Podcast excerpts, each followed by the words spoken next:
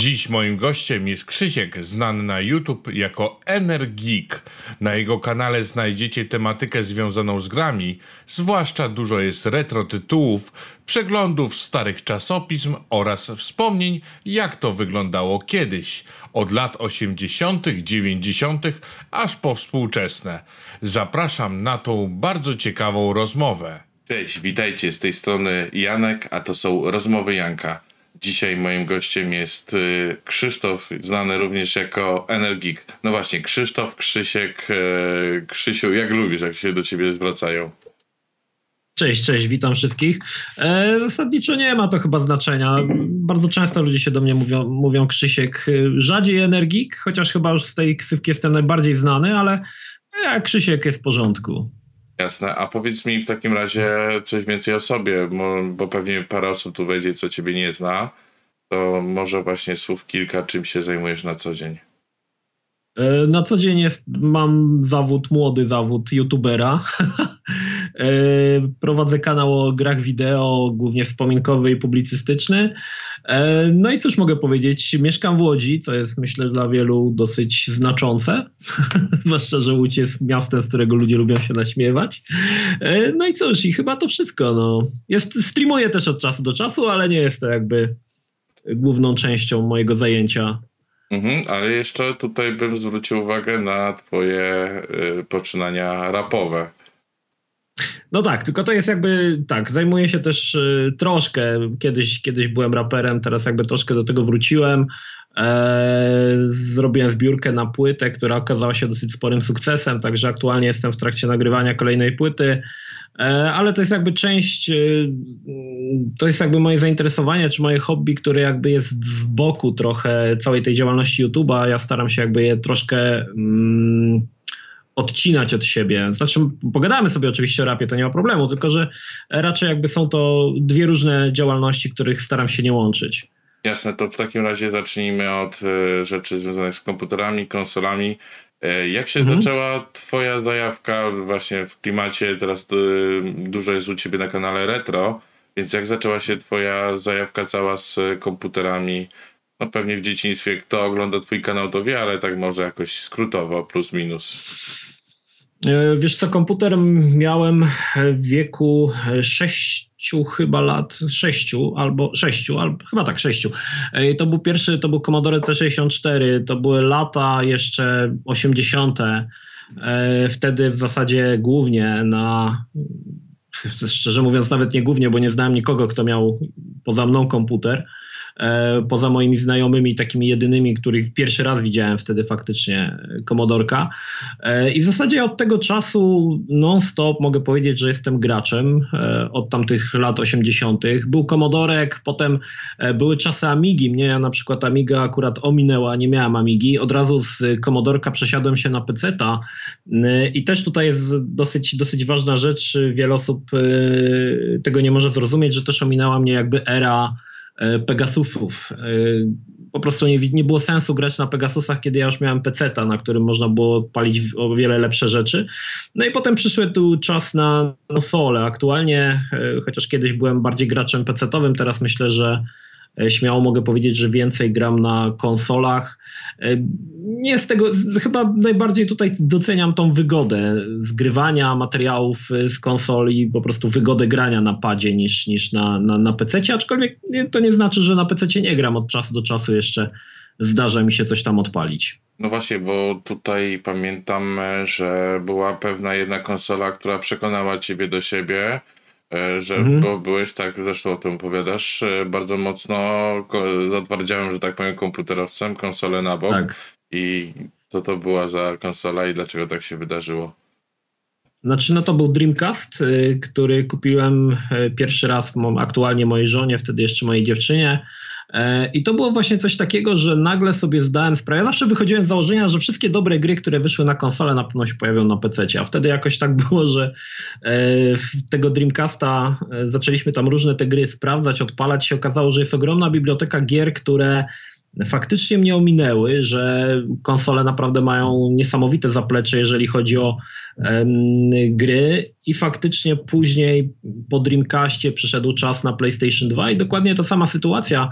E, ja przez długi czas w ogóle ignorowałem konsolę, było to dla mnie rzecz, która mogła w ogóle nie istnieć, traktowałem ją jak powietrze i nagle się okazało, że jest no, ogromna liczba gier, które chciałbym sprawdzić, które chciałbym zagrać i najlepsze jest to, że te gry były naprawdę dobre i e, często były lepsze niż, niż gry, w które grałem e, w tamtym czasie na PC-cie.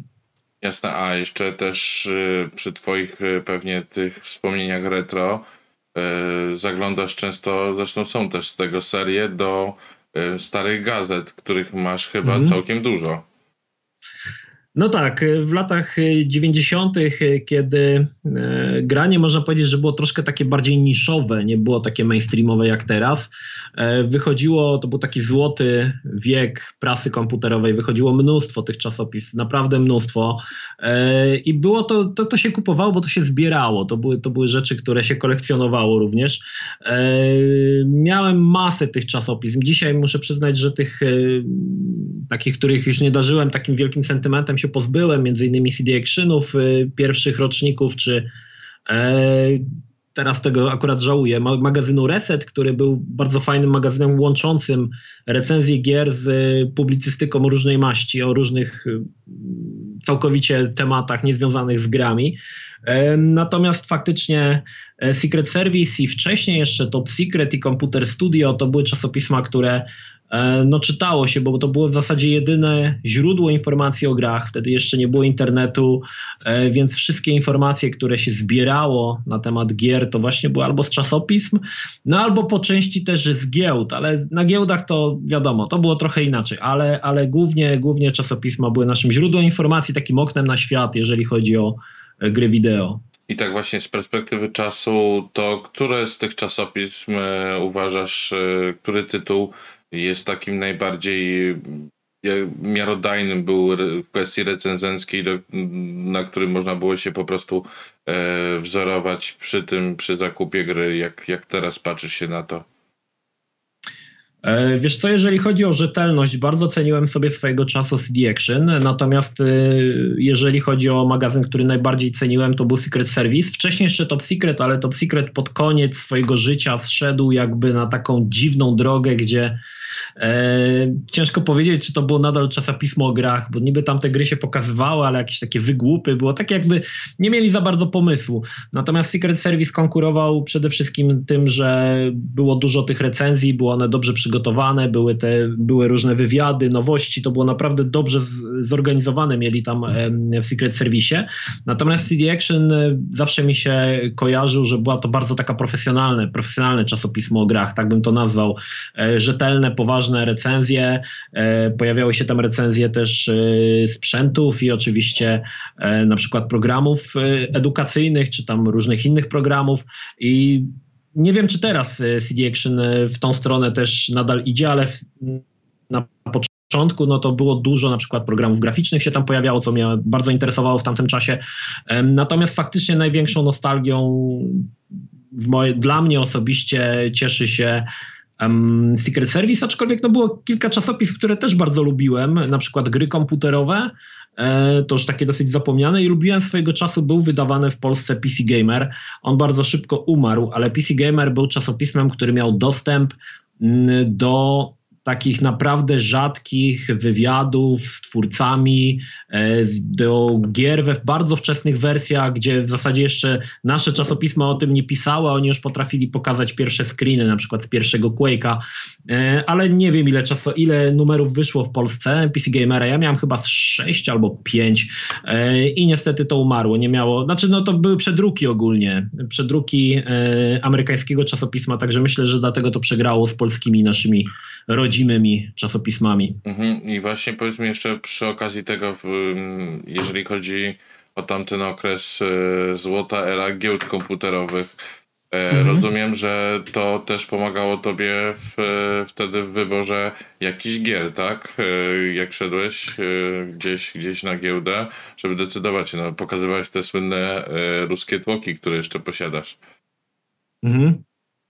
No giełda to był dosyć taki dziwny twór, bo faktycznie można było zasięgnąć informacji od osób, które tam siedziały. Oni byli takimi guru w zasadzie, że wiedzieli wszystko gry, o, o grach, które, które ogólnie sprzedają. Natomiast em, łódzka giełda różniła się troszkę od giełdy w Warszawie. W Łodzi raczej nie można było zobaczyć, jak ta gra wygląda. Oni mieli po prostu na kartkach rozpisane, że pojawi się, nie wiem, na przykład nowy Command Conquer. Mogłeś się zapytać i mogli ci powiedzieć, że to jest coś jak Dune 2.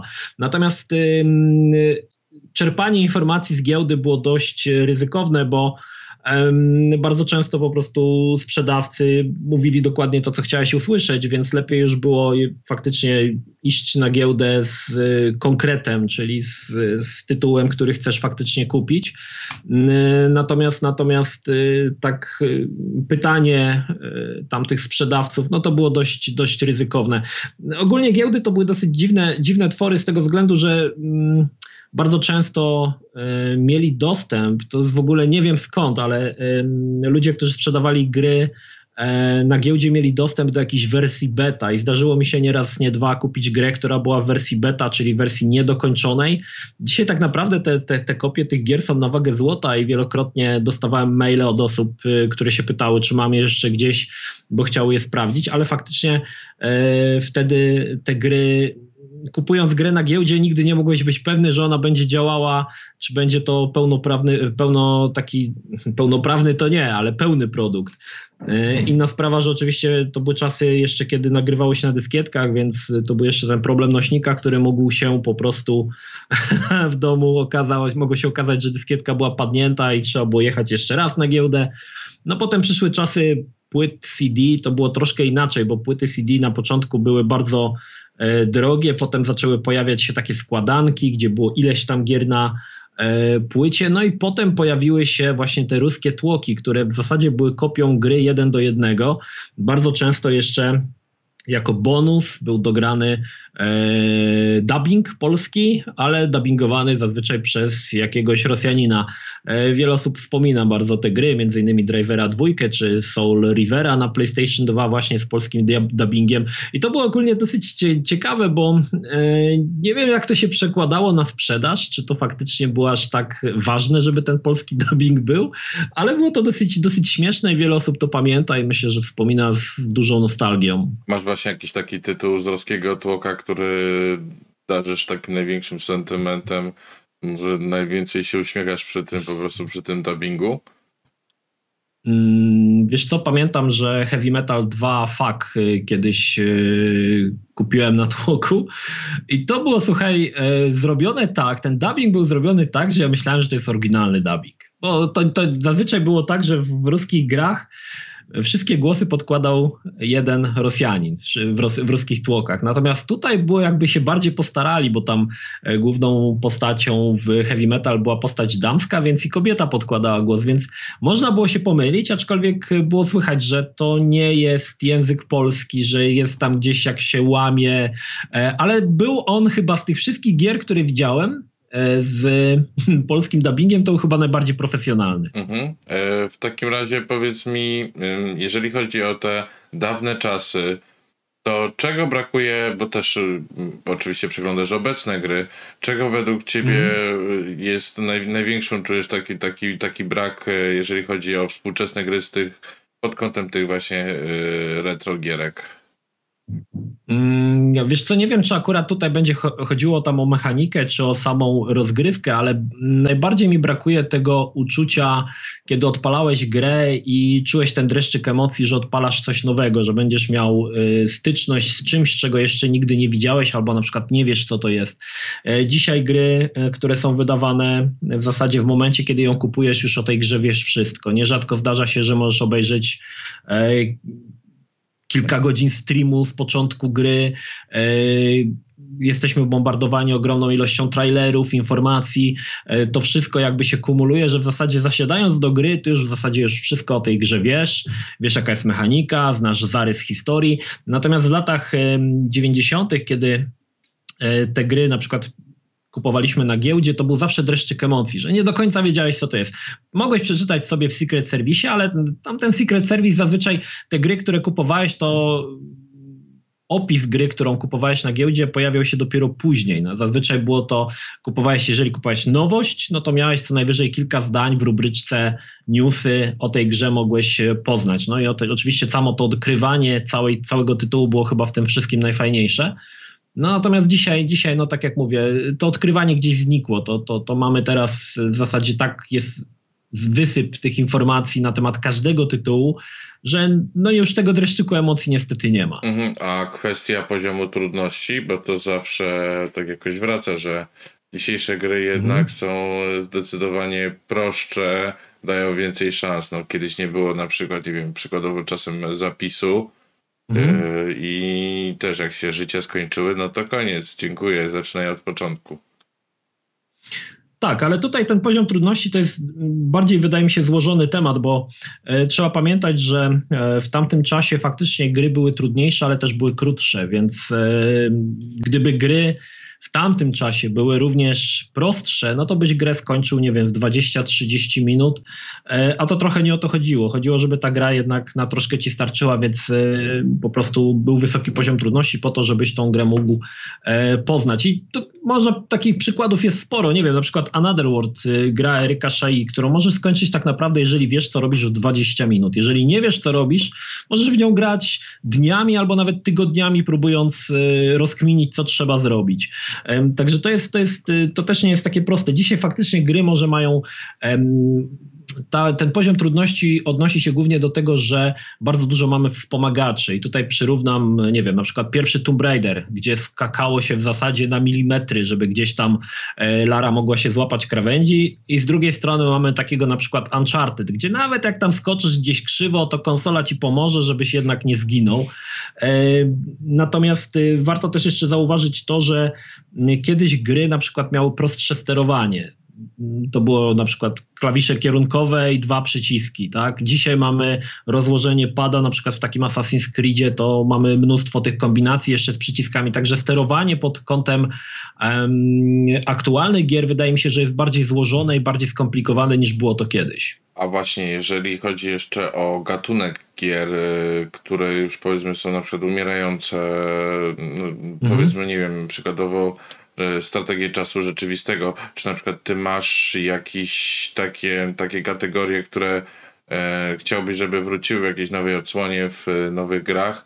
E, na przykład żałujesz, że nie wiem, jakaś seria się skończyła. E, masz coś takiego, jakieś, jakieś takie właśnie przykłady? Znaczy od zawsze byłem wielkim fanem gier przygodowych, które y, zawsze były uważane, w, latach 90. były uważane za gry, które mają najlepszą oprawę ze wszystkich tytułów, bo tam za bardzo nie było w innych grach, gdzie tą oprawę wyciągnąć. Natomiast faktycznie gry przygodowe y, to jest dzisiaj już wymierający gadunek. On troszkę się E, wydaje mi się troszkę się zmodyfikował i aktualnie na przykład e, Quantic Dream e, robi takie gry przygodowe 2.0, czyli to na przykład Detroit Heavy Rain czy, czy Beyond Dwie Dusze. Telltale Games również można podciągnąć pod gry przygodowe, ale to są zupełnie inne gry przygodowe niż były kiedyś. W latach 90. w zasadzie w grę przygodową bez opisu to nie miałeś najmniejszych szans, żeby ją skończyć. To były trudne tytuły, wymagające e, myślenia, może, no tak, wymagające myślenia i kojarzenia faktów. Niektóre z gier, na przykład, nie wiem, Maniac Mansion 2 Day of the Tentacle to jest absolutne mistrzostwo, jeżeli chodzi o gry przygodowe. E, nies niesamowicie pomysłowy tytuł, ale dzisiaj taka gra by nie miała racji bytu, bo gracze by po prostu musieli albo grać tak jak kiedyś, z opisem, co trochę się mm, kłóci z y, całą taką, z całym takim fanem grania w przygodówki. Natomiast no, są to, to są już gry, można powiedzieć, archaiczne i te archaizmy myślę, że dzisiaj byłyby nie do przełknięcia e, dla wielu.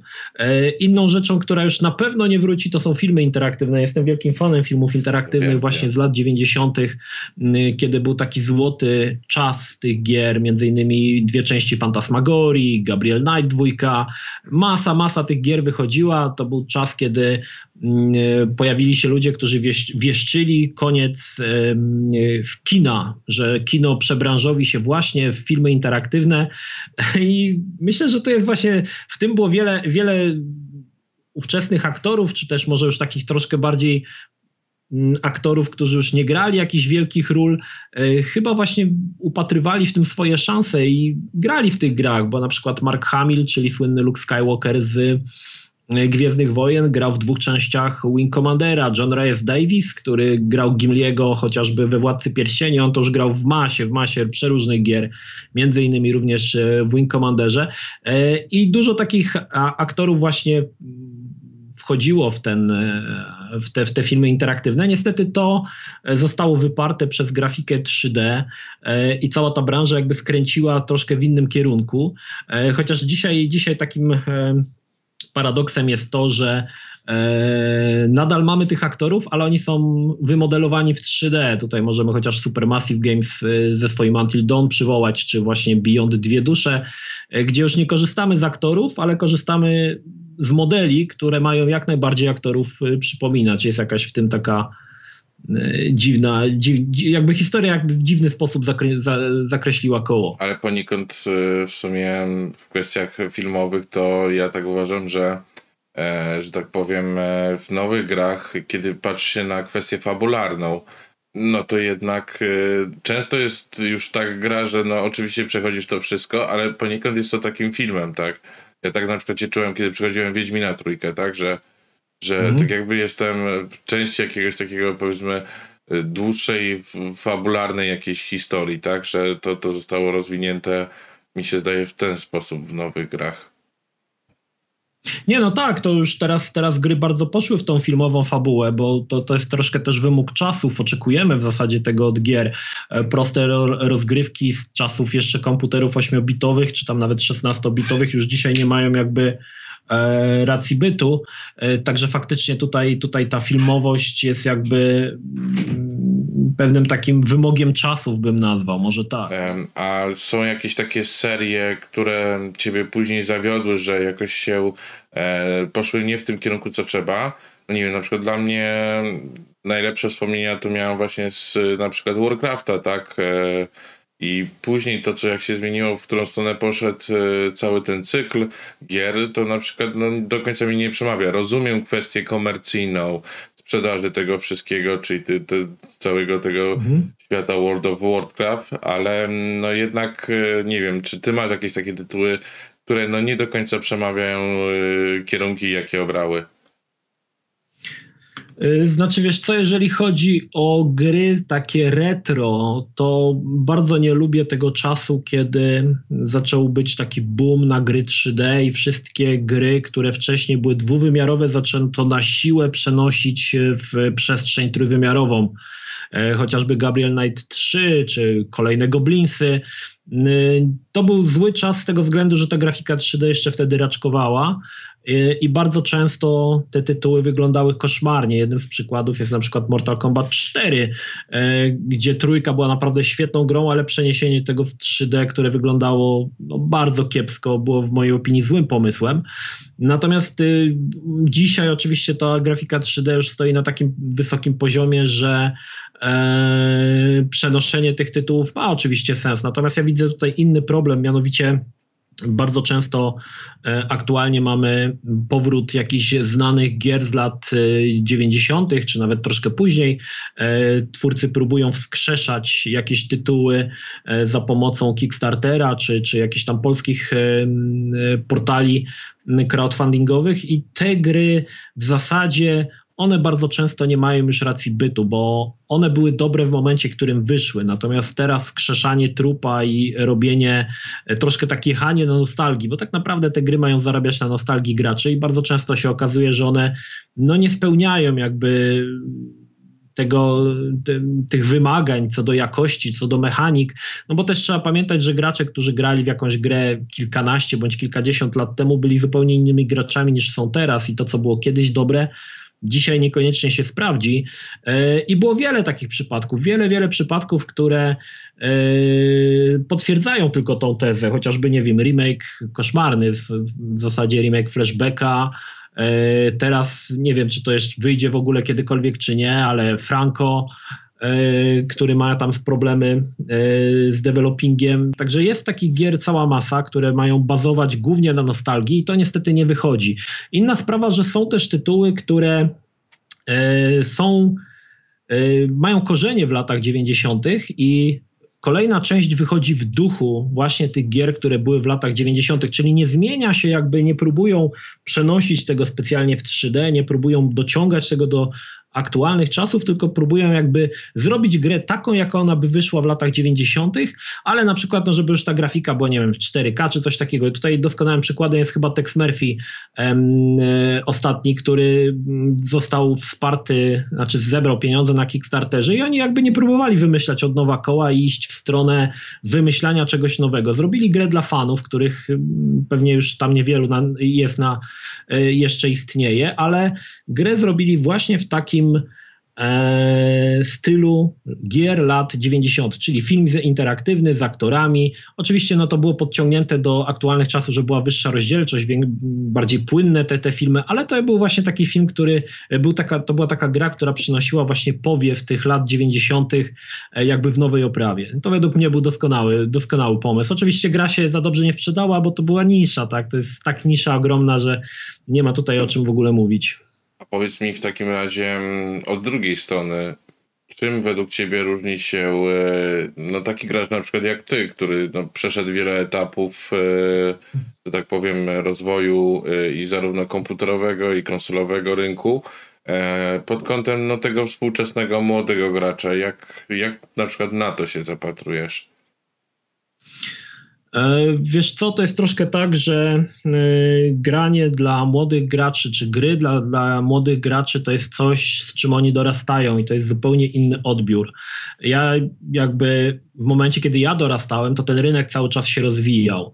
E, na przykład mój syn Oliwier w momencie w, w, w, bardzo lubi grać aktualnie w Minecrafta i to jest troszkę też tak, że wydaje mi się, że po części popularność wielu gier leży też trochę w presji grupy rówieśniczej, że e, grają koledzy, więc i ja będę grał w te gry, e, żeby się z nimi spotkać, albo też, żeby e, z nimi być, e, żeby z nimi po prostu tworzyć jakieś nowe światy. Natomiast e, faktycznie młodych graczy raczej rzadko interesuje historia gier. teraz są tytuły produkowane, które mają wystarczyć na lata, tak? chociażby właśnie Minecraft, E, Fortnite też pewnie będzie taką grą Counter-Strike, czyli gra, którą kupujesz i w którą grasz sobie przez kilka kolejnych lat e, i dzieciaki w to wsiąkają, tak? Tam są oczywiście te różne systemy, które mają podtrzymywać zainteresowanie, czyli różne skrzyneczki, nagrody i tak dalej. E, natomiast y, są gry, na przykład Roblox, gdzie można tworzyć własne tytuły i sprawdzać innych gry. E, które też, y, też tytuł, który jest bardzo popularny.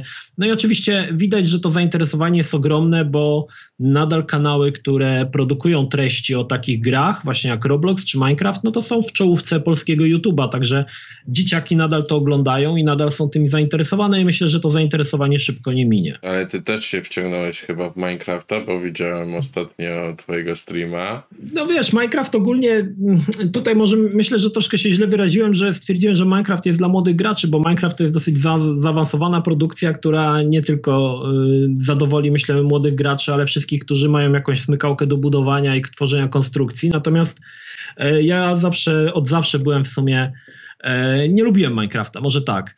E, trochę, trochę zacząłem łaskawszym okiem na niego patrzeć, kiedy e, Oliwier zaczął w niego grać i zauważyłem, że mm, on zaczął robić rzeczy, których ja na przykład, ja bym w Minecrafcie tego nie zrobił. Znaczy pewnie jakbym posiedział i tam rozkminił, to to pewnie tak, ale widzę, że oni tam, nie wiem, ze swoim bratem budują jakieś konstrukcje, ciągną jakiś prąd, gdzieś, gdzieś tam coś się podświetla, coś się otwiera, są jakieś tam rzeczy przyczynowo-skutkowe, także to bardzo rozwija wyobraźnię taką nie tylko przestrzenną, ale też taką pomysłowość, jak to zrobić. To jest fajne, tak?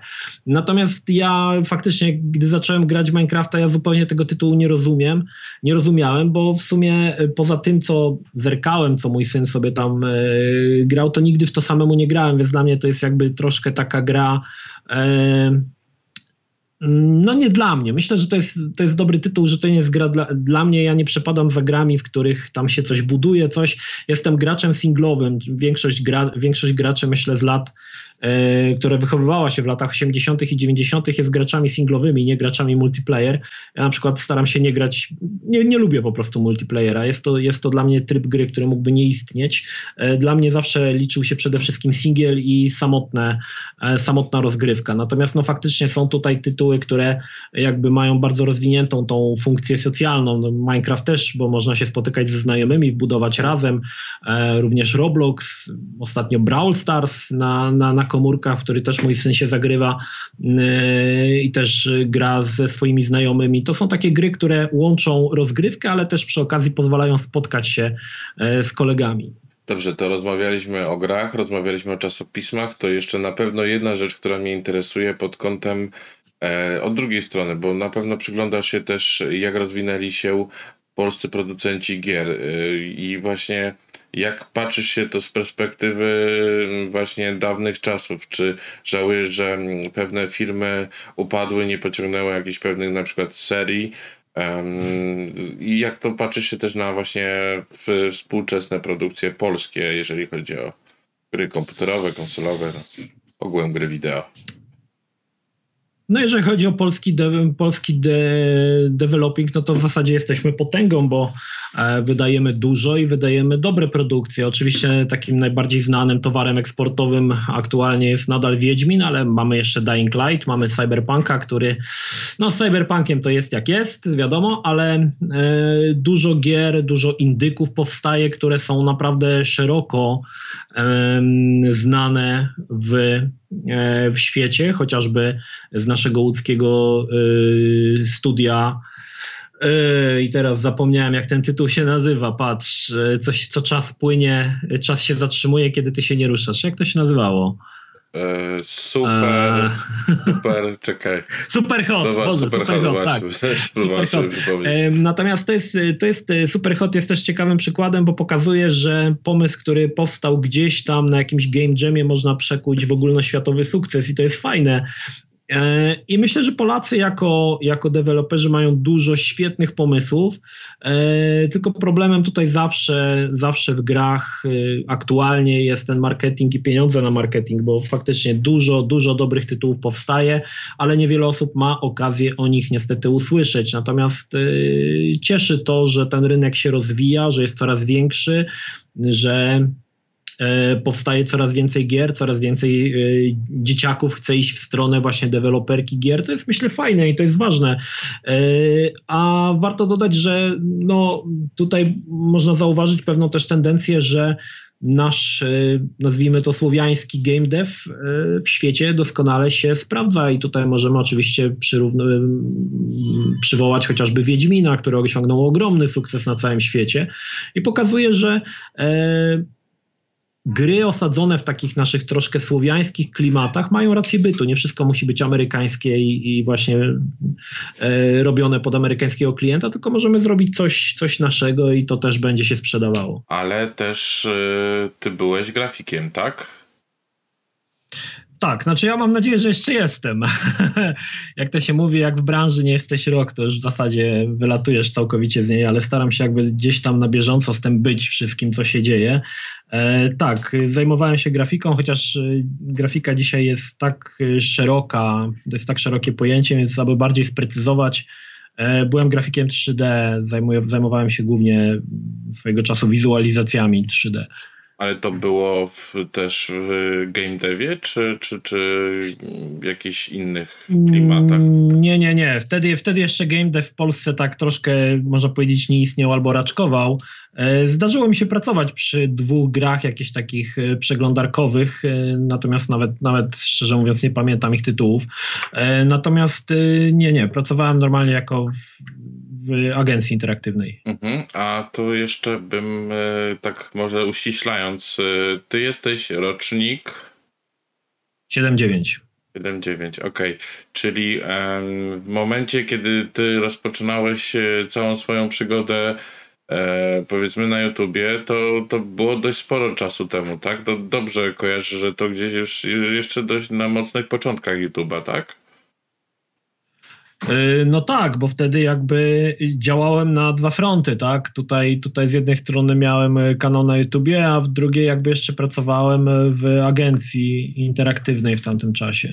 Okej, okay, to w takim razie mm, powiedz mi, zanim przejdziemy do tego YouTube'a, jak jego rozwoju, to gdzie możemy Ciebie znaleźć, może jak, możemy, jak mo można Ciebie wesprzeć? Tak samo myślę, że taka mała reklama, ja później tutaj wrzucę jakieś linki, oczywiście w opisie, będziecie mieli do wszystkich e, i moich, i Twoich projektów. E, w takim razie coś, co, co nieco, jak, gdzie możemy Ciebie znaleźć?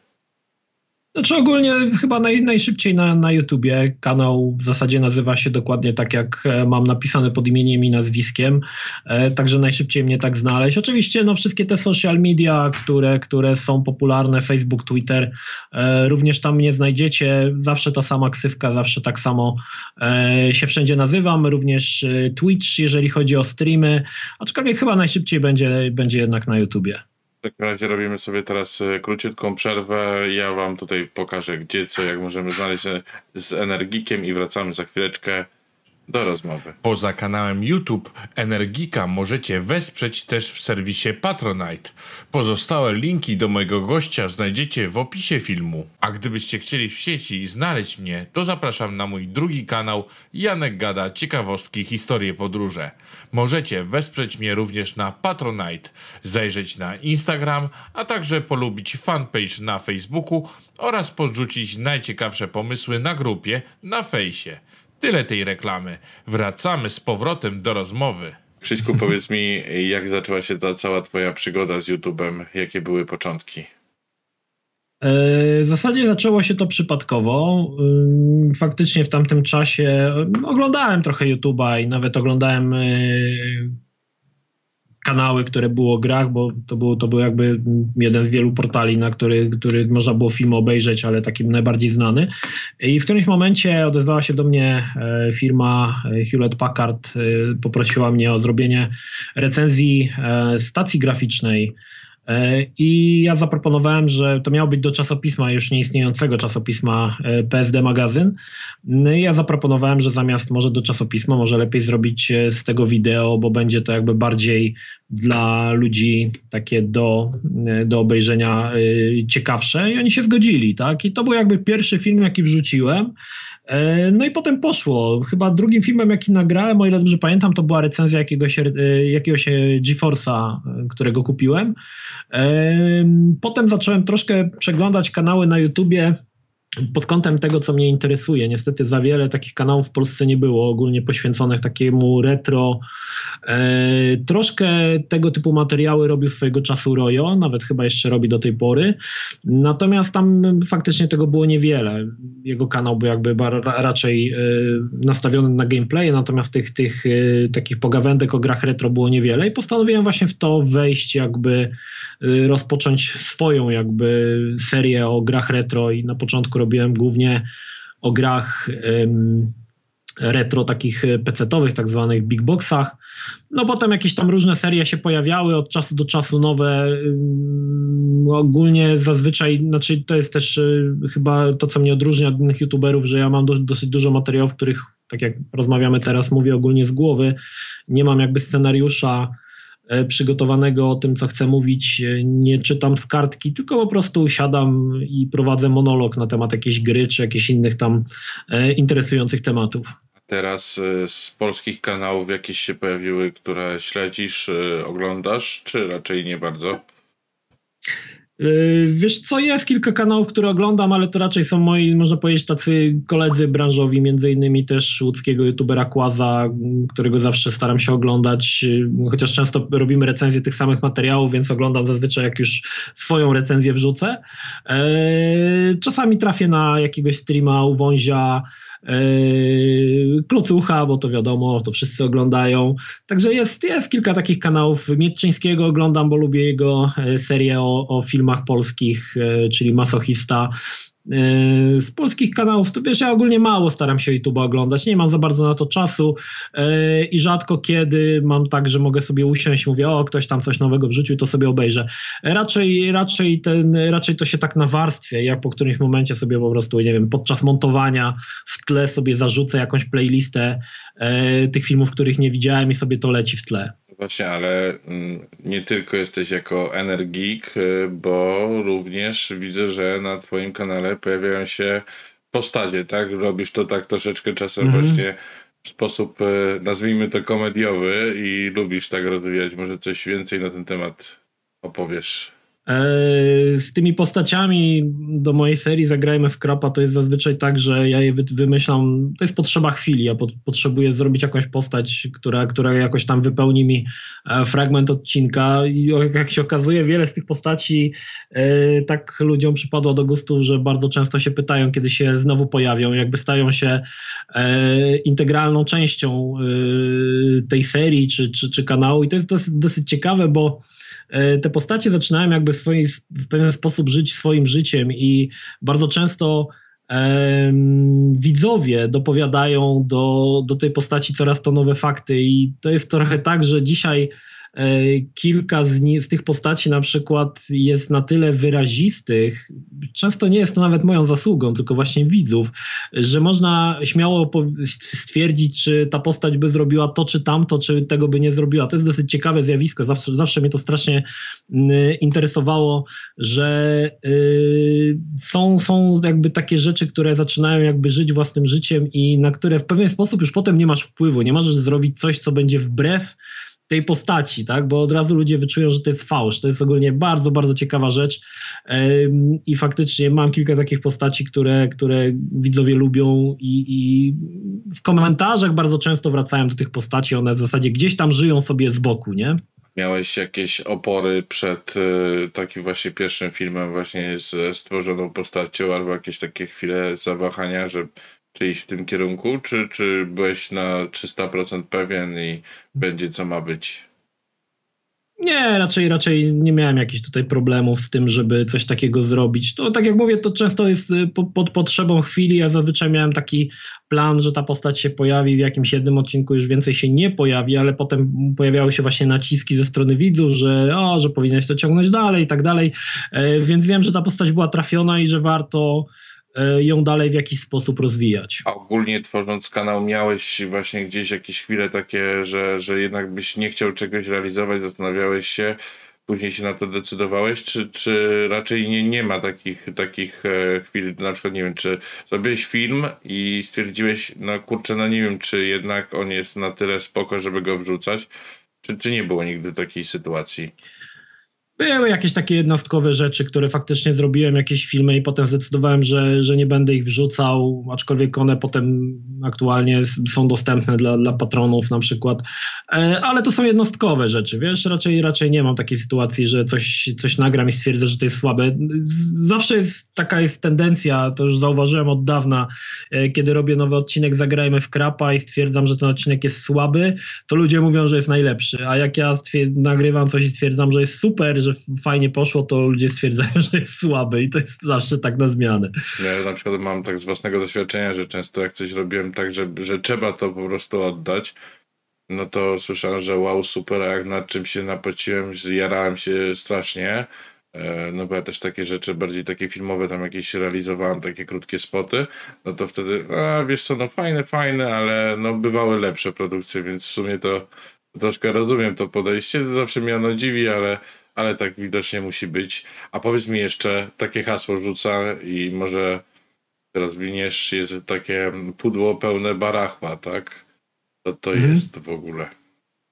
Mm, to jest, to jest nagroda, która jest y, przyznawana co miesiąc jednemu z moich y, patronów na y, portalu patronite.pl. Jest to jakby taką, e, takim antylootboxem, które możecie kupić często. Teraz firmy produkują masę tego. To są takie te pudła, w których macie różne tam niespodzianki jakieś związane z grami czy z filmami, natomiast moje pudło pełne barachła w zasadzie, tak jak samo nazwa wskazuje, jest pudłem pełnym barachła, więc wrzucam tam jakieś retro gry, jakieś retro retrokonsole, e, jakieś różne, różne gadżety z gier, nie zawsze.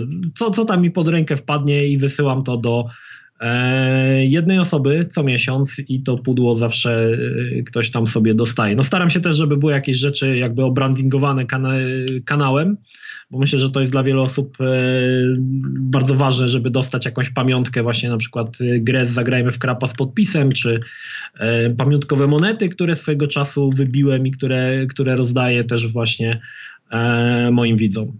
A pamiętasz taki moment najbardziej przełomowy na YouTubie, kiedy rzeczywiście poczułeś, że nagły jest taki skok e, subskrybentów, widzów? E, kiedy to, to, to, czy zaobserwowałeś, że kiedyś był taki moment, czy to wzrastało po prostu tak etap po etapie po prostu?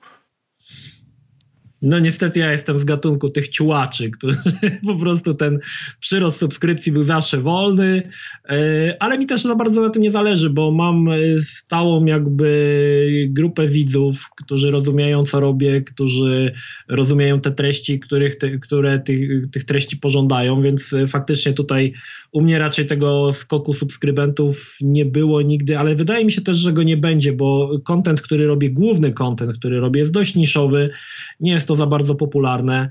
E, natomiast y, to jest też tak, że nie można przekładać liczby subskrypcji na na przykład popularność, bo wydaje mi się, że jestem o wiele bardziej rozpoznawalny niż to, jaką mam cyferkę przy liczbie subskrypcji i to spotkałem się z tym wielokrotnie. Natomiast y, ja, tak podsumowując to pytanie, nie, nie doznałem takiego skoku, tak, jak, jak niektórzy mają, e, za sprawą czasami nawet jednego filmu, który akurat, nie wiem, gdzieś tam w Polsce będzie głośny. Takich filmów jest sporo. To jest YouTube jest ogólnie dziwnym tworem, bo nigdy nie wiadomo, co, co się spodoba i filmik o kolesiu, który jest zupę, nagle może mieć kilka milionów wyświetleń i zrobić tam miliony, tysiące subskrypcji, ale tak naprawdę to się potem na nic nie przełoży, bo ludzie przyszli dla tego jednego filmiku, a kolejne filmiki już nie będą o kolesiu, który je zupę, tylko zupełnie o czym innym, e, więc y, to są takie trochę puste suby, tak? które, które ludzie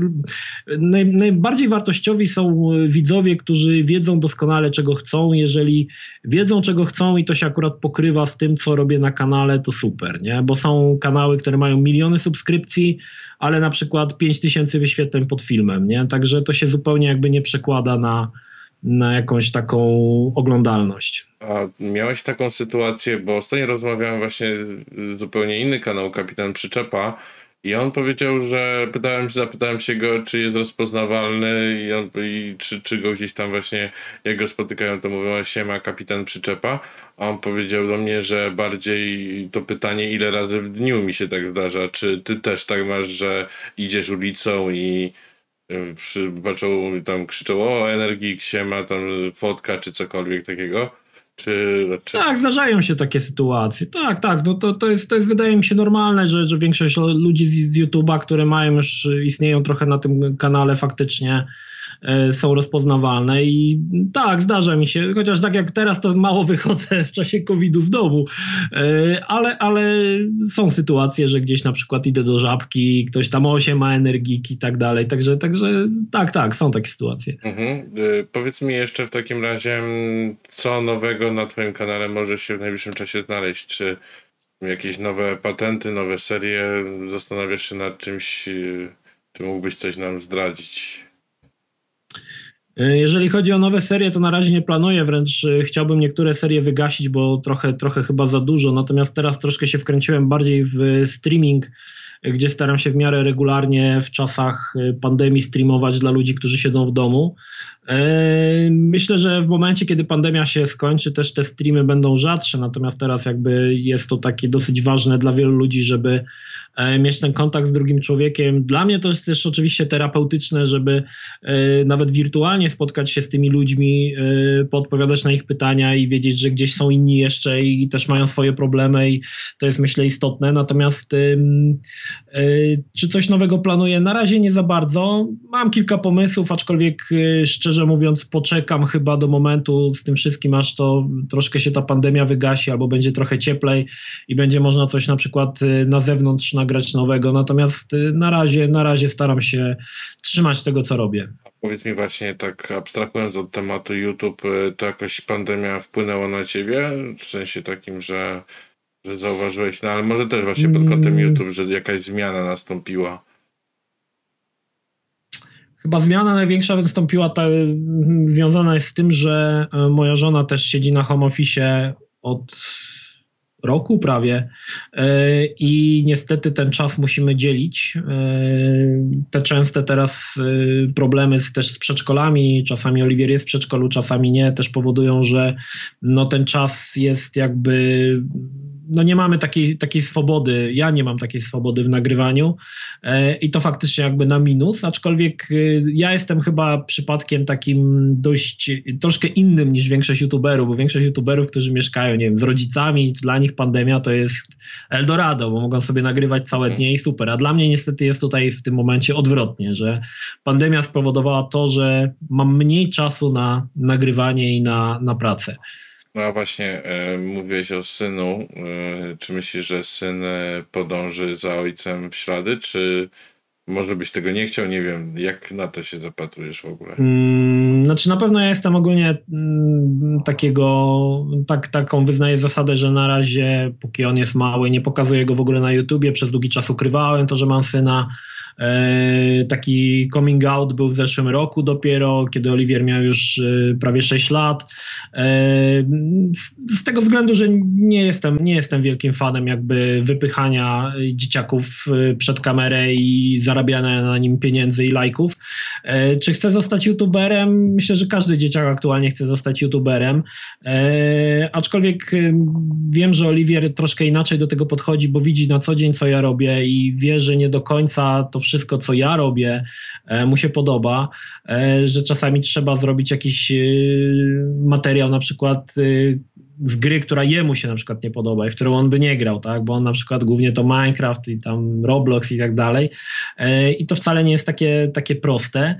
Natomiast jest dzieciakiem, jak większość dzieciaków, które ogląda youtuberów, ma już jakby swoich tam, jakichś tam idoli YouTube'owych, których rozpoznaje i myślę, że to jest, to jest też coś takiego, że e, też chciałby coś takiego robić, tak? No bo to łatwo, łatwo mm, zacząć karierę na YouTubie, e, dodatkowo mając jeszcze tutaj przed oczami osoby, które też osiągnęły sukces, a robią w zasadzie to, co e, ktoś lubi, tak? Czyli grają na przykład w Minecrafta i nagrywają to i wrzucają i są lajki i są komentarze i to jest wszystko fajne. Natomiast no Dzisiaj to jest oczywiście ciężki, ciężki e, ciężko się wypromować może, robiąc to, co wszyscy, czyli na przykład Minecrafta, tak? Kanałów o Minecrafcie są dziesiątki tysięcy, także myślę, że to nie jest aż takie proste. Mhm. A koledzy syna y, rozpoznają jakoś siebie, czy gdzieś, gdzieś tak zauważyłeś jakąś taką tendencję? Nie, nie, nie spotkałem się z tym, ale ja jestem też osobą, która raczej niewiele mówi o tym, co robię. E, nawet wśród swojej rodziny staram się o te, tego tematu nie poruszać robię co robię, tak? Natomiast no, ci, co wiedzą, to wiedzą. E, natomiast nie jestem osobą, która e, gdzieś tam w towarzystwie pierwszym zdaniem, jakim wypowie, to, że jestem youtuberem, tak? Że, żeby wszyscy mnie pytali, jak to jest być youtuberem. Raczej tutaj jest odwrotna sytuacja, że raczej moja żona się chwali, że mój mąż jest youtuberem. Ja mówię, o Boże, i znowu będę musiał gadać nie? i opowiadać. Także, także raczej jestem osobą, która, która stara się jakby nie, uwe, nie uzewnętrzniać e, w kwestii tego, co, co, co robię. No właśnie, jak żona podchodzi do, do kwestii twoich nagrywań yy, i właśnie bycia, tak jak to mówisz, youtuberem, chwalenia się tym, ale jak ona bardziej podchodzi? Czy, czy to przyszło prosto po prostu? nie wiem jakby to określić, że, że zawsze była tak y, bardzo do przodu za tym, czy jednak to z czasem y, się pojawiło, że zaakceptowała to? Znaczy na początku to było raczej jako hobby, jako taka zabawa. Faktycznie w momencie, kiedy e, zaczęły pojawiać się z YouTube'a pieniądze e, i zaczęły się te pieniądze pojawiać większe niż, e, może nie większe, na podobnym poziomie jak, za, jak wypłata, którą, którą dostawałem, zdecydowaliśmy się, że w sumie to była wspólna decyzja, bo to, to też nie jest prosta, żeby zrezygnować z pracy zarobkowej na etacie i zacząć na sto, zająć się na 100% YouTube'em. Dzisiaj widzę, że to był dobry pomysł i myślę, że żona też to docenia. Natomiast y, Mariola jest osobą, która nie za bardzo, ją nie za bardzo interesuje, co robię na YouTubie. Jakby mm, staramy się rozgraniczać. To jest, ona doskonale rozumie, że to jest moja praca. Ja rozumiem, że ona ma swoją pracę, ale staramy się jakby nie przenikać. Y, ona nie ogląda moich filmów, ja też staram się nie ingerować w jej pracę, także jakby to w pewien sposób gdzieś tam odcinamy od siebie. E, I to, to myślę, że jest dosyć widoczne, że e, na przykład jak są jakieś kiedyś były, wcześniej, rok temu, eventy, różne pyrkony. E, Mariola rzadko chciała jeździć na te, na te imprezy, bo jej to zupełnie nie interesowało. Ona, myślę, że ona czuje się miejscami też e, taka zawstydzona, kiedy ludzie podchodzą i mnie rozpoznają i sobie robią zdjęcia. E, I ona jakby też, wydaje mi się, że czuje jakby, czuje taką jakby nie wiem, presję może, e, ciężko powiedzieć. Także staramy się jakby to rozgraniczać. Mi to nie przeszkadza, tak? Oczy, oczywiście, jeżeli potrzebuje w czymś pomocy, to ona mi chętnie pomoże, ja jej chętnie pomogę, to jest oczywiste. E, ale na przykład, y, żeby ją zaciągnąć przed kamerę, że na przykład coś nagrać, to raczej, raczej nie. Raczej stwierdza, że to nie jest dla niej. Mm, tak, nie chcę wnikać głęboko, ale rozumiem, że ona pracuje na etacie, tak?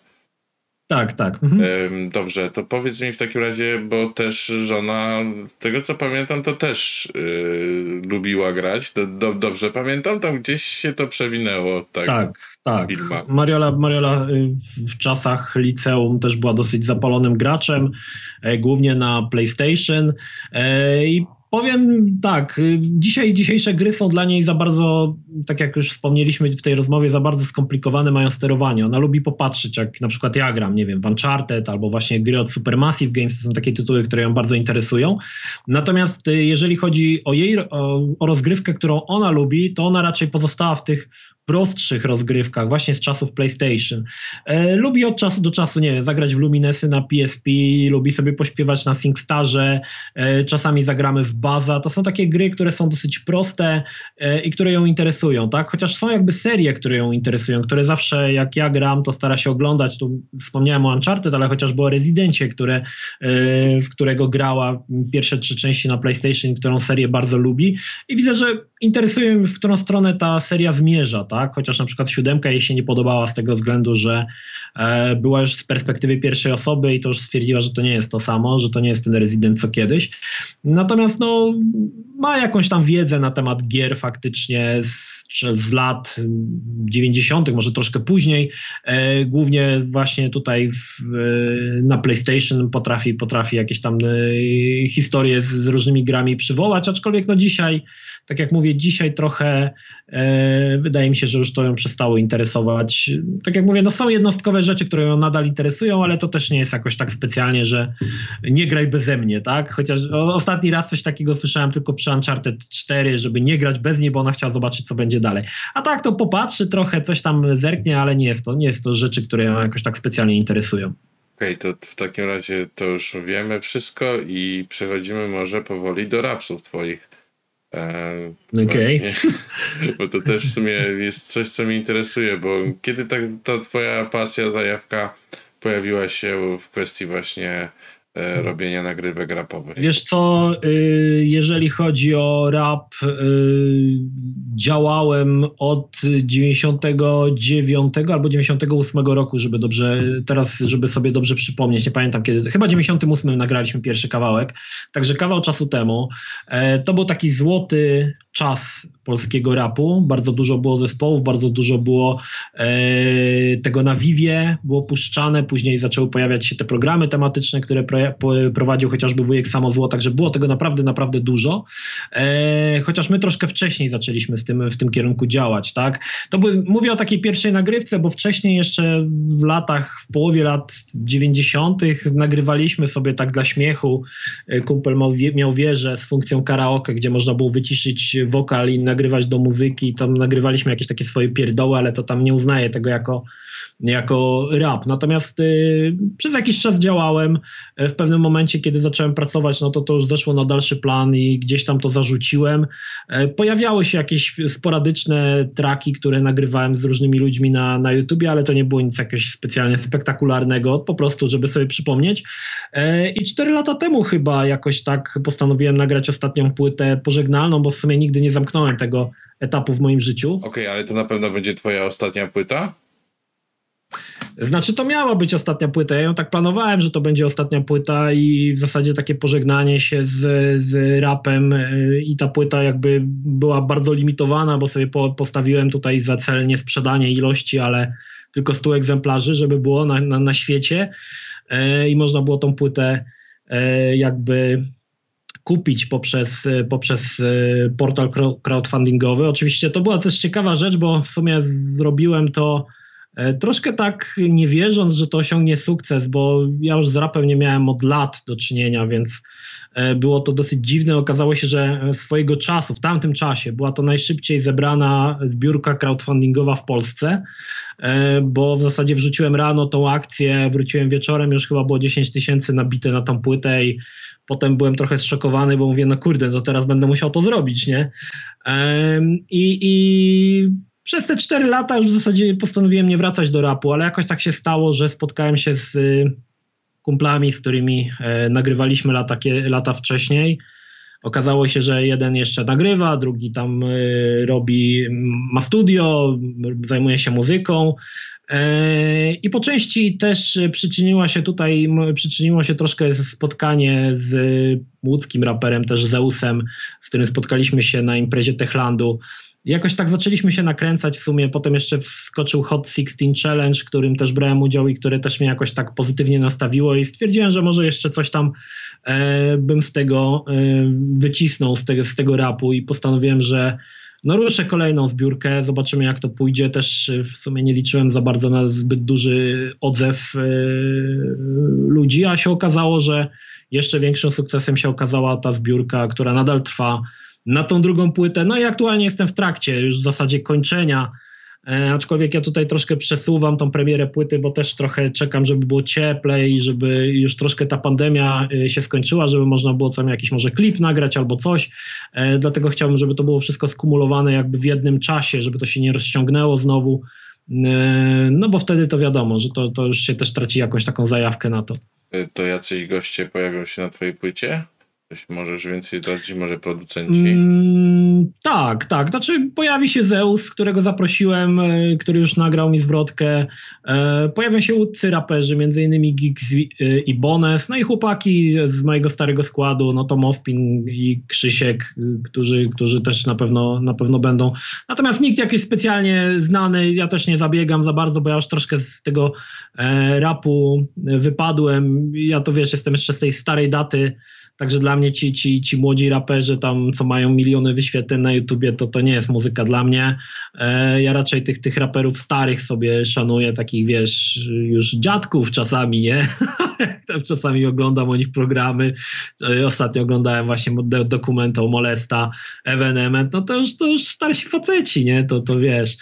E, natomiast, natomiast y, no raczej to nie będzie płyta utrzymana w nowym klimacie, tak? Raczej, raczej to będzie taki old school typowy właśnie tutaj też jest dobry moment, żeby zapytać Cię, jeżeli chodzi o właśnie rap, czy zupełnie niczego nie słuchasz e, z tych nowych rzeczy?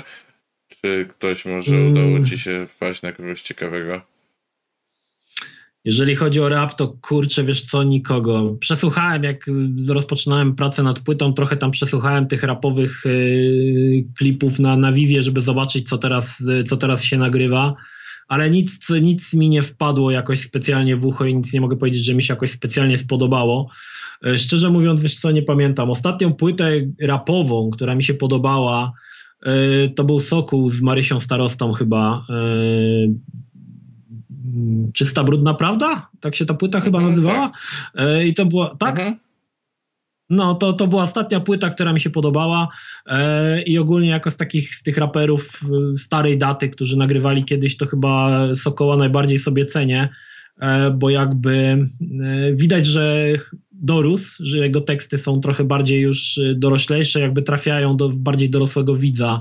Natomiast są raperzy, którzy E, starają się nadal nagrywać, mają po, ponad tam pod 40 są, a starają się trafiać do dzieciaków i to jest takie trochę czasami dziwne, jak dla mnie. Rozumiem, że tu mówisz pewnie bardziej pod kątem jakiś na przykład, nie wiem, rapera Tedego, tak? Że No akurat Tedego to nigdy nie słuchałem za bardzo, także Tede może nie, ale nie chcę tu rzucać ksywami, bo potem wiesz, będą jeszcze tu wiem, hejty albo mi tu płytę storpedują. Znaczy, Jest kilku takich raperów starej daty, których znajdziesz teraz na Vivie, którzy wiesz, ubierają się w ciuszki jak szesnastolatkowie i nawijają o koksie, imprezach, nie, a wiesz, takie, no to dziwne jest dla mnie, nie? Wiesz co, no tak, znaczy ja, ja powiem ci szczerze, że też jeżeli chodzi o Sokoła, to bo też nie kupuję za bardzo, jeżeli gdzieś słucham jakichś rapowych płyt, no to robię sobie to odsłuchy, e, bo nie mam czasu po prostu na to na YouTubie. Mm.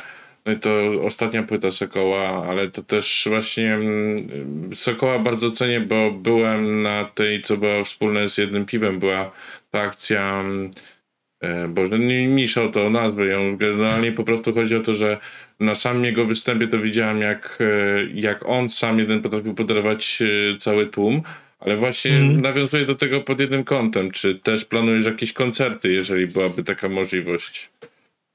Oj, wiesz co, szczerze mówiąc nie wiem. E, chłopaki mnie ogólnie namawiają na to, y, Mospin przede wszystkim, ale ja jakoś powiem ci szczerze, tak powiem ci szczerze, prosto z serca nie chce mi się, po prostu mi się nie chce. E, nawet gdyby była jakaś tam taka możliwość, to pewnie bym to mocno rozważał. W zasadzie trochę, trochę już chyba nie ma to sensu. Nie trafiam już do, do powiedzmy sobie szczerze, e, płytę przesłuchają tylko te osoby, które, które to naprawdę interesuje. To nie jest, to nie jest rzecz, która ma wypłynąć gdzieś na mainstream i ma być puszczana w radiu SC czy gdzieś tam, nie? Także nie wiem, no, chyba, chyba by to nie miało trochę nawet sensu. Czyli będzie 100% e, old school, żadnych jakichś takich autotunów, takich zabaw, to raczej nic z tego nie spotkamy. E, wiesz co, powiem Ci tak, jeżeli chodzi o autotuna, trochę z tym eksperymentujemy, bo mamy kilka, wiesz, ja ogólnie śpiewać nie umiem, a, a mam w, w kilka refrenów, które przydałoby się zaśpiewać i Krzysiek trochę z tym eksperymentuje i zobaczymy, czy coś, coś z tego będzie, natomiast yy, no to tylko raczej w sytuacji, w której trzeba coś zaśpiewać, nie, ale yy, tak, żeby gdzieś ten, ten autotune się pojawiał na zwrotkach, to, to raczej to, to się nie zdarzy. E, ciekawostka też w ogóle, bo ostatnio patrzyłem się, bo też mi wpadły te utwory Boneza do, do y, playlisty. To nie wiem, czy tam widziałeś, mm. że tam jest mix był z Bylu i tak dopytywałem, bo akurat trafiłem na ich live'a, czy to jest ten sam z Bylu, co jest u ciebie? Nie, nie, nie znamy się z Bonezem zupełnie. Nigdy żeśmy się nawet nie spotkali. Mamy wspólnych znajomych y, i dzięki temu mogliśmy jakby, będziemy współpracować nad jednym kawałkiem, ale nie, nie, nie znam, nie znam Boneza niestety osobiście, tak, żebym go, się z nim kiedyś spotkał na, na, na żywo. A powiedz mi właśnie, popatrzyliśmy się na taką ogólną kwestię, jeżeli chodzi o YouTube, e, o rapsy, a właśnie jeżeli chodzi o scenę łódzką, to e, masz właśnie jakichś takich ludzi, którzy mm, których po prostu byś uważasz, że, że słabo są na przykład wypromowani. Na przykład tutaj jest prosty Gixa, tak, który, który jednak jest takim mniej rozpoznawalnym, jeżeli chodzi o rapsy. No powoli przez Wuwunia, tak, no ale no to powiedzmy, że chyba Wuwunia to dużo osób kojarzy. Czy, czy, czy masz takie kogoś, kto byś chciał może na przykład y, polecić? Mówię, no niekoniecznie ze sceny rapowej, może YouTube'owej, kogoś, kogo warto byłoby zainteresować się kimś i, i, i zobaczyć bardziej mm. na mhm. jego twórczość. No jeżeli chodzi o Giggsa, no to on będzie u mnie na płycie i z Giggsem się znamy w miarę dobrze, bo byliśmy na jednej imprezie, gdzie żeśmy się poznali. W zasadzie to Giggs e, zaproponował, żeby też z Bonezem nagrać. E, także, także mamy jakby stały kontakt z, z Giggsem, e, jeżeli chodzi o, o twórczość. Natomiast y, czy jest ktoś y, z Łodzi? No nie wiem, wiesz co, będę próbował. To jest trochę tak, że mi też zależy, żeby przy wydaniu tej płyty wypromować chłopaków, z którymi kiedyś nagrywałem, którzy mają fajne skillsy, nagrywają fajne rzeczy. Dlatego też kupując, czy tam wspierając moją płytę, dostaniesz jeszcze dwie dodatkowe płyty właśnie Mospina i Krzyśka, którzy też stworzyli własne, własne jakby całe albumy i też będziesz mógł ich posłuchać. Po części też chcę się tutaj przyczynić do tego, żeby e, jeżeli będzie taka możliwość, jakoś tam ich rozpromować i faktycznie zależy mi też na tym. W zasadzie był to jeden z powodów też e, tutaj, żeby, te, żeby oni się znaleźli na płycie. To był właśnie warunek, że dajecie mi to swoje ostatnie płyty, które nie były wydane ja je wam wydaję, dostają ludzie od, jako w bonusie je do mojej płyty, żeby też mogli was posłuchać, nie? Także no a tutaj jeszcze dodam akurat Mospin, to ostatnia płyta była profesjonalnie nagrana w studio z bardzo znanym producentem, który jest z Łodzi, także e, Mospin nagrywa od lat, on jakby nie przerwał tego, nie miał tej przerwy. Ja miałem tą przerwę, on jakby nadal był cały czas w tej, w tej e, tutaj na tej scenie, chociaż no tak jak mówię, no nie jest on za bardzo może rozpoznawalny, bo też, też trochę tam Wydaje mi się, że pewne rzeczy e, źle zrobił. E, nie chcę tutaj to, w to wnikać, nieważne. W każdym razie miał wydać e, legalną płytę i ta płyta, która miała być legalna, ale nie jest, powód jest znany mi, ale nie będę go tutaj przytaczał, dostanie, dostaną wszyscy za darmo w ramach, w ramach właśnie tego wydawnictwa, na które aktualnie ja nagrywam. No właśnie, w takim razie jaka będzie tematyka? Co, co się znajdzie na, na płycie? W jakim to kierunku chcesz, żeby podążało? Mhm. Wiesz co, raczej, raczej jeżeli chodzi o tematykę płyty, nie mam jakby jednego tematu, że, że będzie to. Płyta się nazywa Królniczego, znajdą się tutaj traki troszkę nawiązujące do e, bycia internetowym celebrytą, to na pewno na pewno będzie ta płyta troszkę bardziej pogodna, bo pierwsza, to ostatni raz, która, ostatnia płyta, która miała być ostatni raz, e, wiele osób mówiło, że jest trochę mroczna i że jest taka ciężka, więc tutaj staram się, żeby to było trochę lżejsze, było więcej takich e, traczków wpadających w ucho. E, też staram się nie zamykać w jakby brzmieniu rapowym. Teraz hip-hop to w zasadzie to jest we, wszystko, we wszystkim jest hip-hop i w popie i wszędzie możesz różne podkłady, pod różne podkłady ludzie rapują i też starałem się dobierać różne e, podkłady, nie tylko typowo rapowe brzmienie, ale nie wiem, jakieś latino e, i, i jakieś tam ragaton, takie rzeczy, które są, to gdzieś tam się pojawiają. Taki, taki miszmasz trochę. To są jakby historie, wiesz, to e, mam jeszcze kilka historii do powiedzenia i myślę, że te że te, te właśnie ta płyta będzie takim zbiorem tych historii, które kiedyś chciałem opowiedzieć, ale Mm, jakoś zabrakło, nie wiem, weny, czasu, możliwości. A będzie tematycznie coś o Łodzi? To poniekąd nawiązuje, bo właśnie też chciałbym coś więcej dowiedzieć się, jak podchodzisz do swojego miasta. Mm, wiesz co, nie wiem, czy będzie coś stricte, stricte o Łodzi.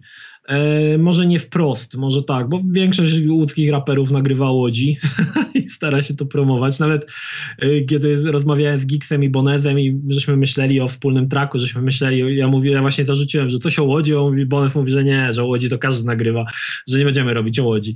E, także, także raczej nic takiego stricte, stricte o Łodzi nie planuję na tą chwilę przynajmniej. Miałem coś takiego w planach, aczkolwiek nie wiem, czy to wypali, bo, bo szczerze mówiąc nie wiem, czy ten track będzie, będzie na tyle mi pasował na płytę. Natomiast y, rozmawiałem z Krzyśkiem, jest jakiś taki, gdzieś tam mam w głowie y, rzecz, którą chciałbym o Łodzi nagrać, pokazać tutaj w traku takie kontrasty i absurdy Łodzi. Natomiast nie wiem, czy to, czy to wypali w końcu. Zobaczymy. A właśnie, jeżeli jesteśmy też właśnie przy Łodzi, to ty myślałeś kiedyś, żeby zmienić y, miejsce zamieszkania, czy nie wiem, jesteś może hardkorowym, lokalnym patriotą? Jak to u ciebie wygląda spojrzenie na Łódź? Sporo ludzi się mnie o to pyta, dlaczego mieszkasz w Łodzi, dlaczego się nie wyprowadzisz? Ja ogólnie lubię Łódź. Łódź jest y, fajnym miastem. Jak już się wychowałeś tutaj, to zupełnie na to inaczej patrzysz.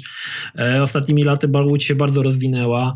E, natomiast y, nie wiem, to miasto ma swój klimat, tak? Ma swój klimat i, i uważam, że ma swoją jakby taką tożsamość i historię, którego wielu miastom w Polsce wydaje mi się brakuje, albo gdzieś ta historia jest e, w pewien sposób e, gdzieś zacierana. U nas jest mocno ta historia jest jakby kultywowana i to widać na przykład w architekturze, gdzie największe centrum handlowe manufaktura nie powstało z, wiesz, z betonu, tylko zaadoptowali po prostu stare fabryki ceglane, wybudowali manufakturę, która jest takim, można powiedzieć, można powiedzieć taką wizytówką Łodzi. Teraz będziemy mieli bardzo fajne zoo, gdzie e, za chyba 250 milionów dolarów, czy ileś tam dostali dotacje właśnie na zoo, żeby zrobić e, fajne, fajne nowe atrakcje dla, dla odwiedzających. Także Łódź naprawdę się rozwija i myślę, że e, to jest, to jest fajne. Natomiast y, jesteśmy troszkę też y, miasto jako Łódź jest postrzegane jako miasto Meneli.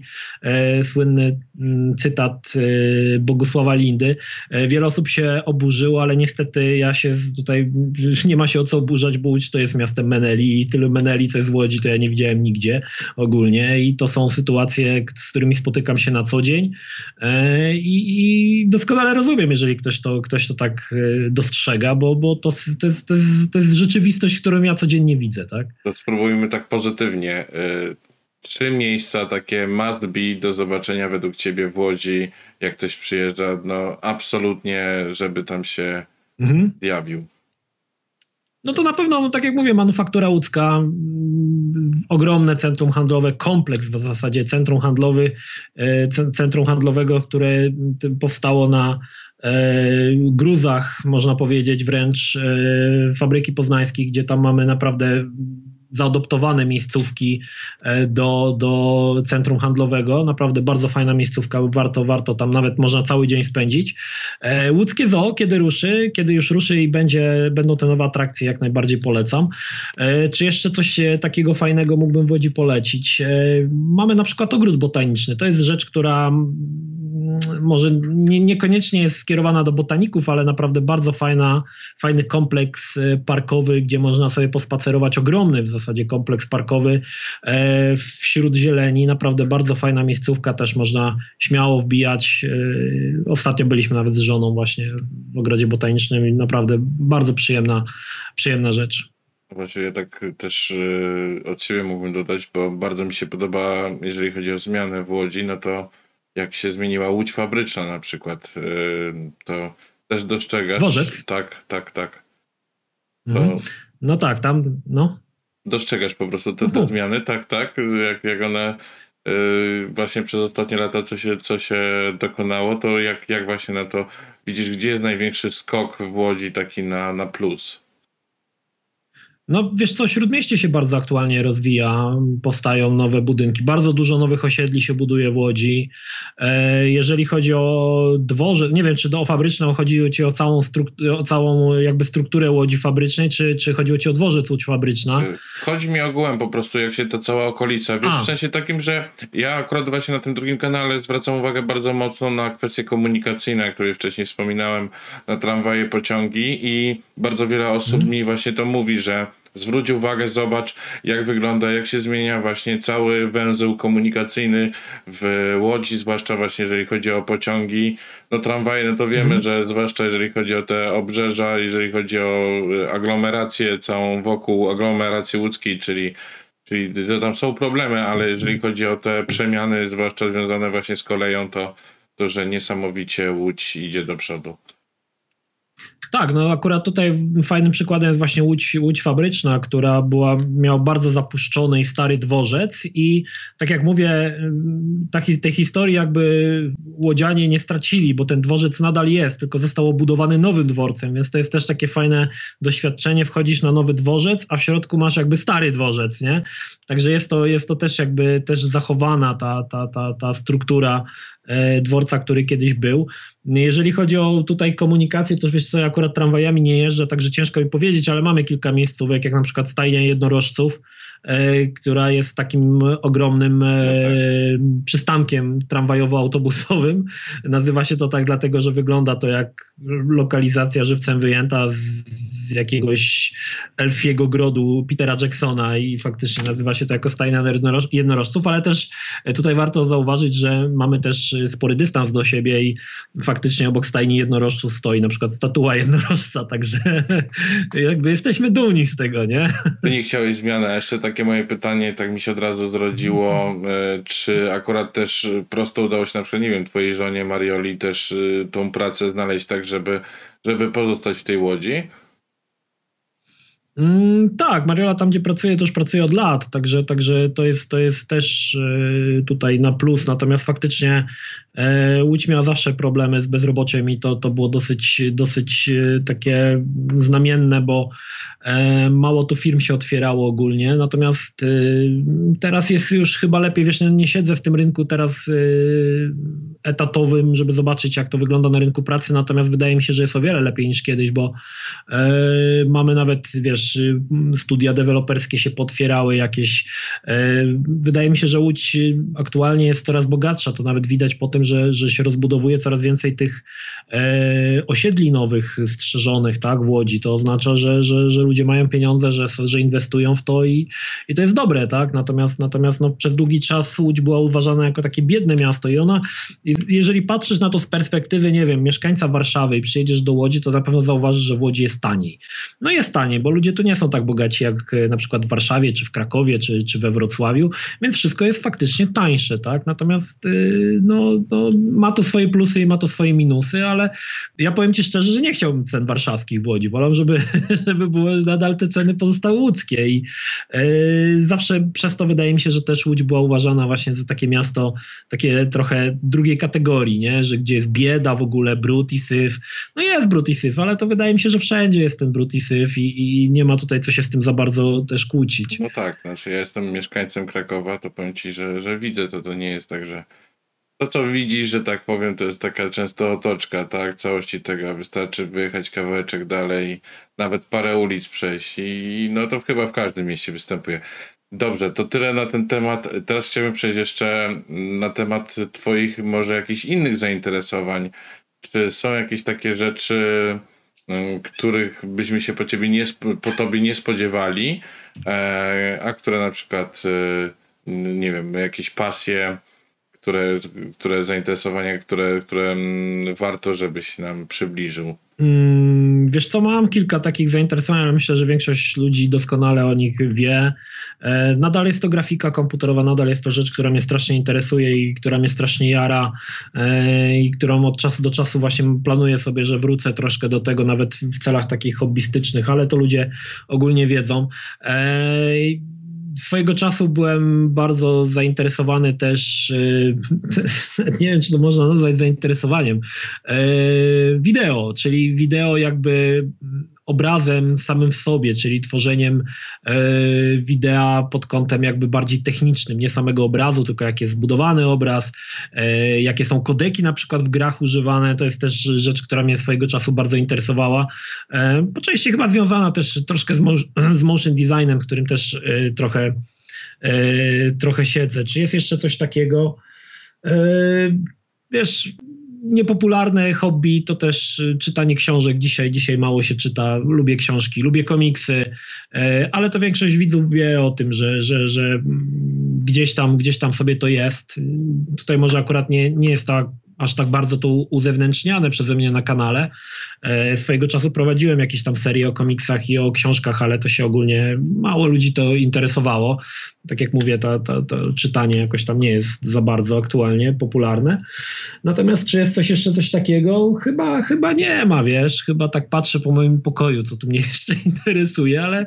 Ja mam, mam, e, mam pewne takie no? właśnie, jeżeli chodzi o gry, bo to też chciałem zapytać wcześniej, y, czy hmm? planszówki też wchodzą w to, czy, czy też czy karcianki, czy, czy raczej nie? Karcianki to zupełnie nie. Jestem graczem, który zupełnie nie rozumie, jak są o, o, karcianek i to jest dla mnie jest tak jakby traumatyczne, że nawet jak w grach są karcianki, w Wiedźminie czy tam w innych, to, to nie gram w nie po prostu, bo jest to rzecz, która mnie jakby całkowicie, od której się całkowicie odbijam.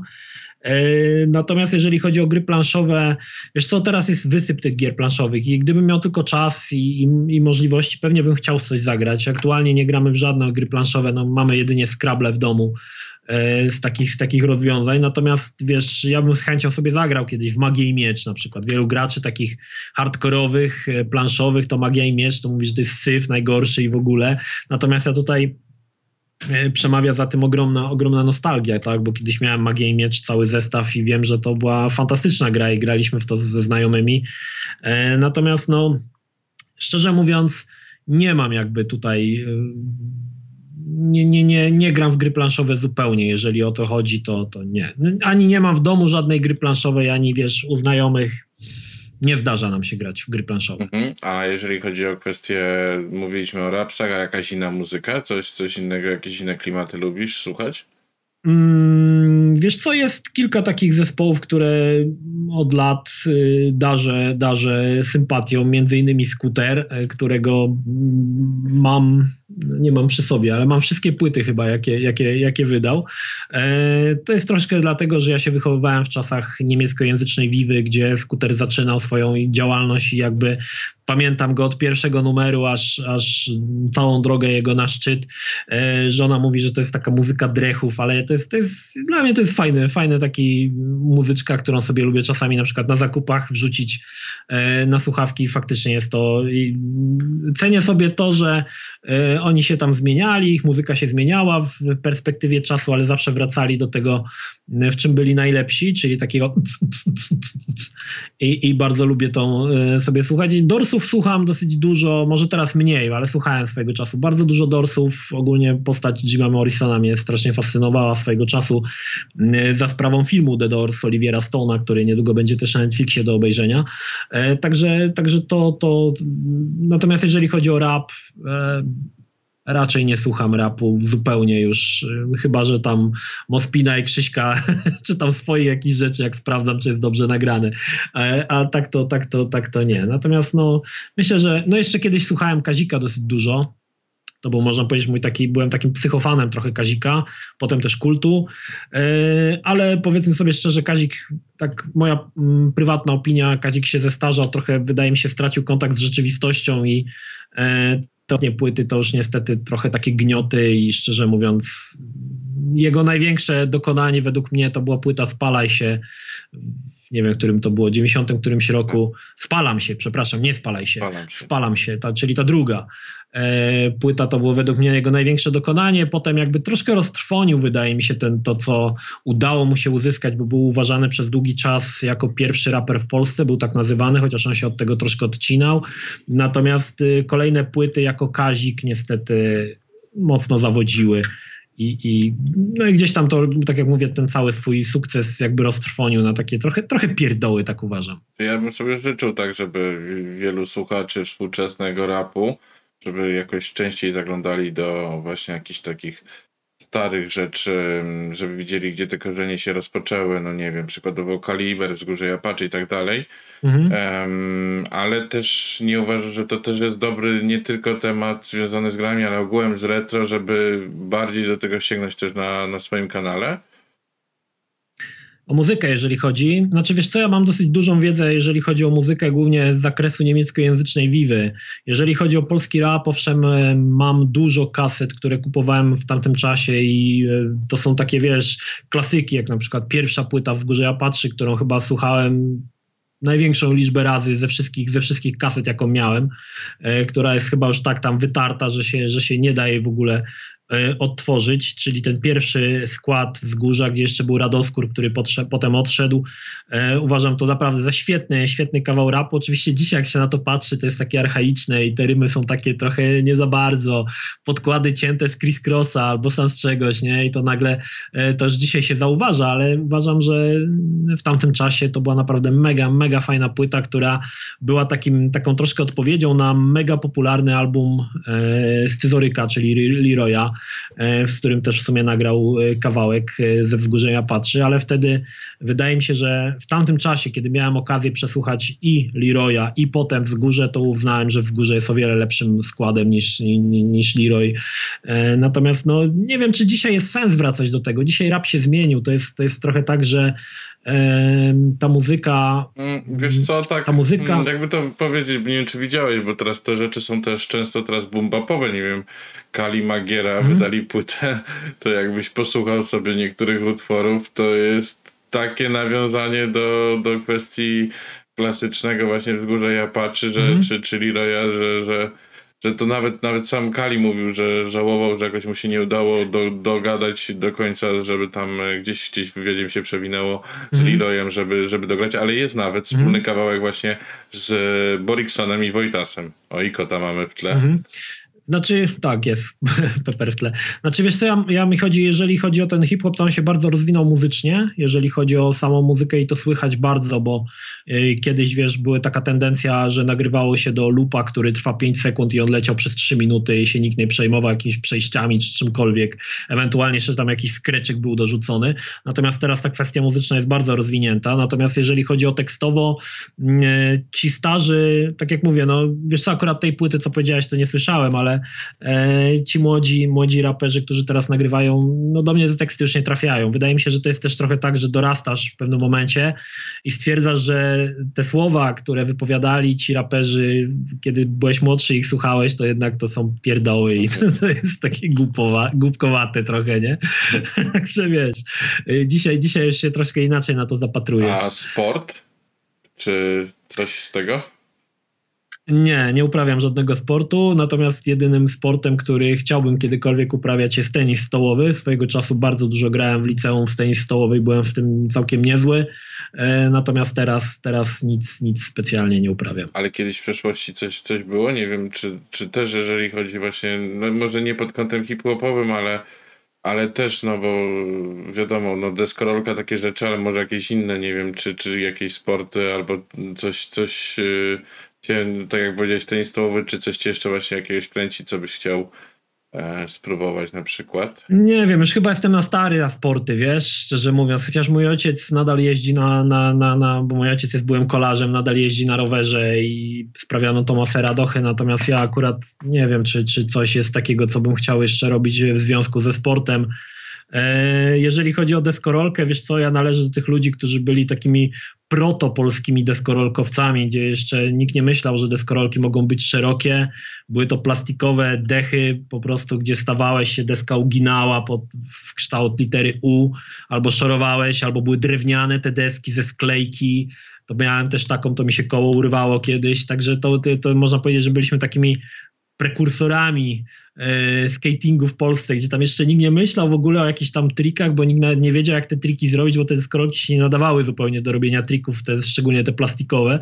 Natomiast natomiast y, fajnie, fajnie, fajnie, fajnie wspominam te, te czasy. Natomiast dzisiaj, dzisiaj mm, kiedyś próbowałem na Oliwiera deskorolce się przejechać, to mało się tam zębów nie wybiłem, bo to też jest, wiesz, związane z tym, że się zmienia środek ciężkości. Jak człowiek jest wyższy, to już mu gorzej utrzymać równowagę na, na deskorolce. Natomiast powiem Ci, że chętnie bym sobie odświeżył na przykład, żeby pojeździć sobie na desce. Tak, to by była rzecz, którą, którą może kiedyś bym chciał jeszcze spróbować, eee, ale nie wiem, czy to jest, czy to jest w zasięgu mojej e, wykonania, w, w, zasięgu moich możliwości. Ja to też się pytam, bo też e, jakiś czas temu, parę lat temu zarzuciłem kwestię jeżdżenia na snowboardzie i też chciałbym się jakoś zmotywować na powrót mm. po prostu.